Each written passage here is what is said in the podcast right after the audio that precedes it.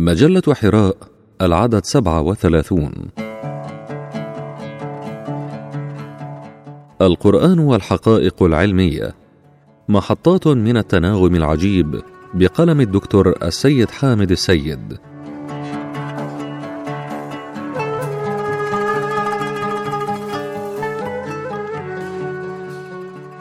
في عام 1989 أرسلت وكالة الفضاء الأمريكية ناسا قمرها الاصطناعي كوب إكسبلورر الذي قام بعد ثلاث سنوات بإرسال معلومات دقيقة إلى الأرض تؤكد نظرية الانفجار العظيم بيج بانج وهذه الحقيقة العلمية ذكرها القرآن الكريم منذ أكثر من أربعة عشر قرنا حيث قال أولم يرى الذين كفروا أن السماوات والأرض كانتا رتقا ففتقناهما. أي إن السماوات والأرض كانتا في الأصل عبارة عن كتلة واحدة جرم ابتدائي واحد في مرحلة الرتق.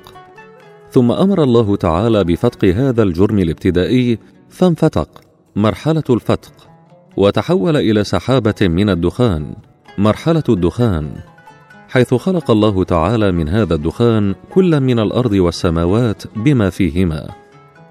والقرآن أدق في تقرير الحقيقة. فهو فتق وليس انفجار لأن الانفجار يؤدي إلى تفتت الأجزاء. أما الفتق فهو انفصال مع المحافظة على المكونات. بدايات الكون. قال تعالى ثم استوى إلى السماء وهي دخان فقال لها وللأرض ائتيا طوعا أو كرها قالتا اتينا طائعين وقد أثبت العلم الحديث أن السماء بدايتها دخان. ففي الثامن من نوفمبر عام 1989 أطلقت وكالة ناسا مركبة باسم مكتشف الخلفية الإشعاعية للكون Cosmic Background Explorer وقام هذا القمر بإرسال قدر هائل من المعلومات وملايين الصور لآثار الدخان الكوني الأول. وما نشرته الوكالة بالنص Smoking Supernovae Solve A 10 Billion Year Old Mystery. ومعناه أن المستعرات الدخانية العظمى تحل سر عشرة بلايين سنة وهو عمر الكون التقريبي. واستطاع العلماء إحضار جزيئات من الدخان الكوني إلى الأرض وأخضعوها للتحليل المخبري فماذا كانت النتيجة؟ يقول العالم الذي أشرف على هذا التحليل إن هذه الجزيئات التي كنا نسميها غبارا كونيا لا تشبه الغبار أبدا. وإذا أردنا أن نصفها بدقة فائقة فإن أفضل كلمة هي كلمة دخان وباللغة الإنجليزية تعني سموك والسماء ذات الحبك.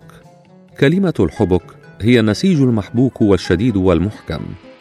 وقالوا بأن قوله تعالى والسماء ذات الحبك يعني ذات الشكل الحسن وذات الشدة وذات الزينة وذات الطرق.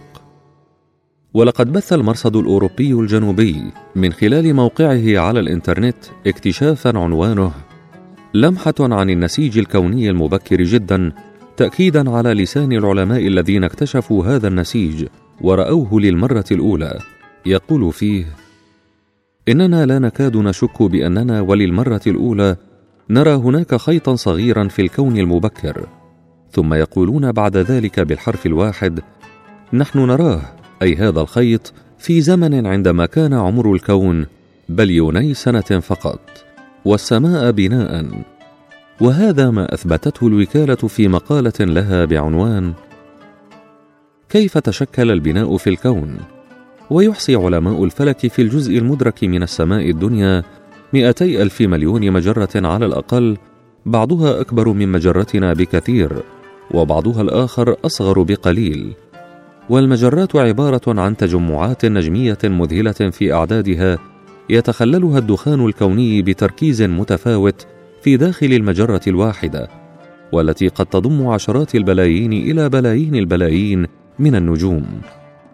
وبالإضافة إلى النجوم وتوابعها المختلفة هناك السدم وعلى تعدد أشكالها وأنواعها وهناك المادة بين النجوم The Interstellar Matter وهي المادة الداكنة The Dark Matter وغير ذلك من صورة المادة والطاقة المبثوثة في ظلمة الكون.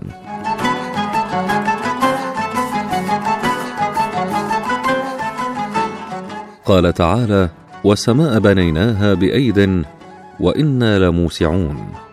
حقيقة قرآنية أثبتتها وكالة ناسا الفضائية.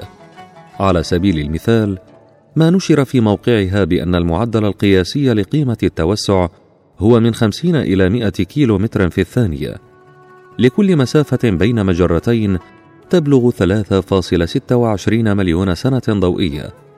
وما نشر على موقعها بحث بعنوان هوبل يقيس تمدد الكون. يقول المولى عز وجل والنجم إذا هوى. أثبت العلم الحديث أن النجم عندما يتهاوى على نفسه وينغلق حينئذ يبلغ أضعاف وزن الشمس. فإذا بلغ وزنه أكثر من عشرين ضعف وزن الشمس سمي بالثقب الأسود أي النجم الخنس. أما إذا بلغ واحد فاصل أربعة حتى خمسة أضعاف وزن الشمس تكون النجم الطارق وهو نجم نيوتروني. لذا كان قسم المولى عز وجل بالخنس بمبالغة في القسم فلا أقسم بالخنس عن قسمه سبحانه بالطارق لكون الخنس أضخم من النجم الطارق. وقال تعالى فلا أقسم بالخنس الجوار الكنس. ما نشر عن الخنس في موقع وكالة ناسا الفضائية أن هذا النجم لا يرى أي خنس ويجري بسرعات كبيرة جوار ويجذب أي شيء في طريقه. كنس وهي الصفات التي تناولها القرآن الكريم. والسماء والطارق وما أدراك ما الطارق. النجم الثاقب. وكما ذكر في كتاب الله عز وجل فإن النجم الطارق يحقق نتيجتين.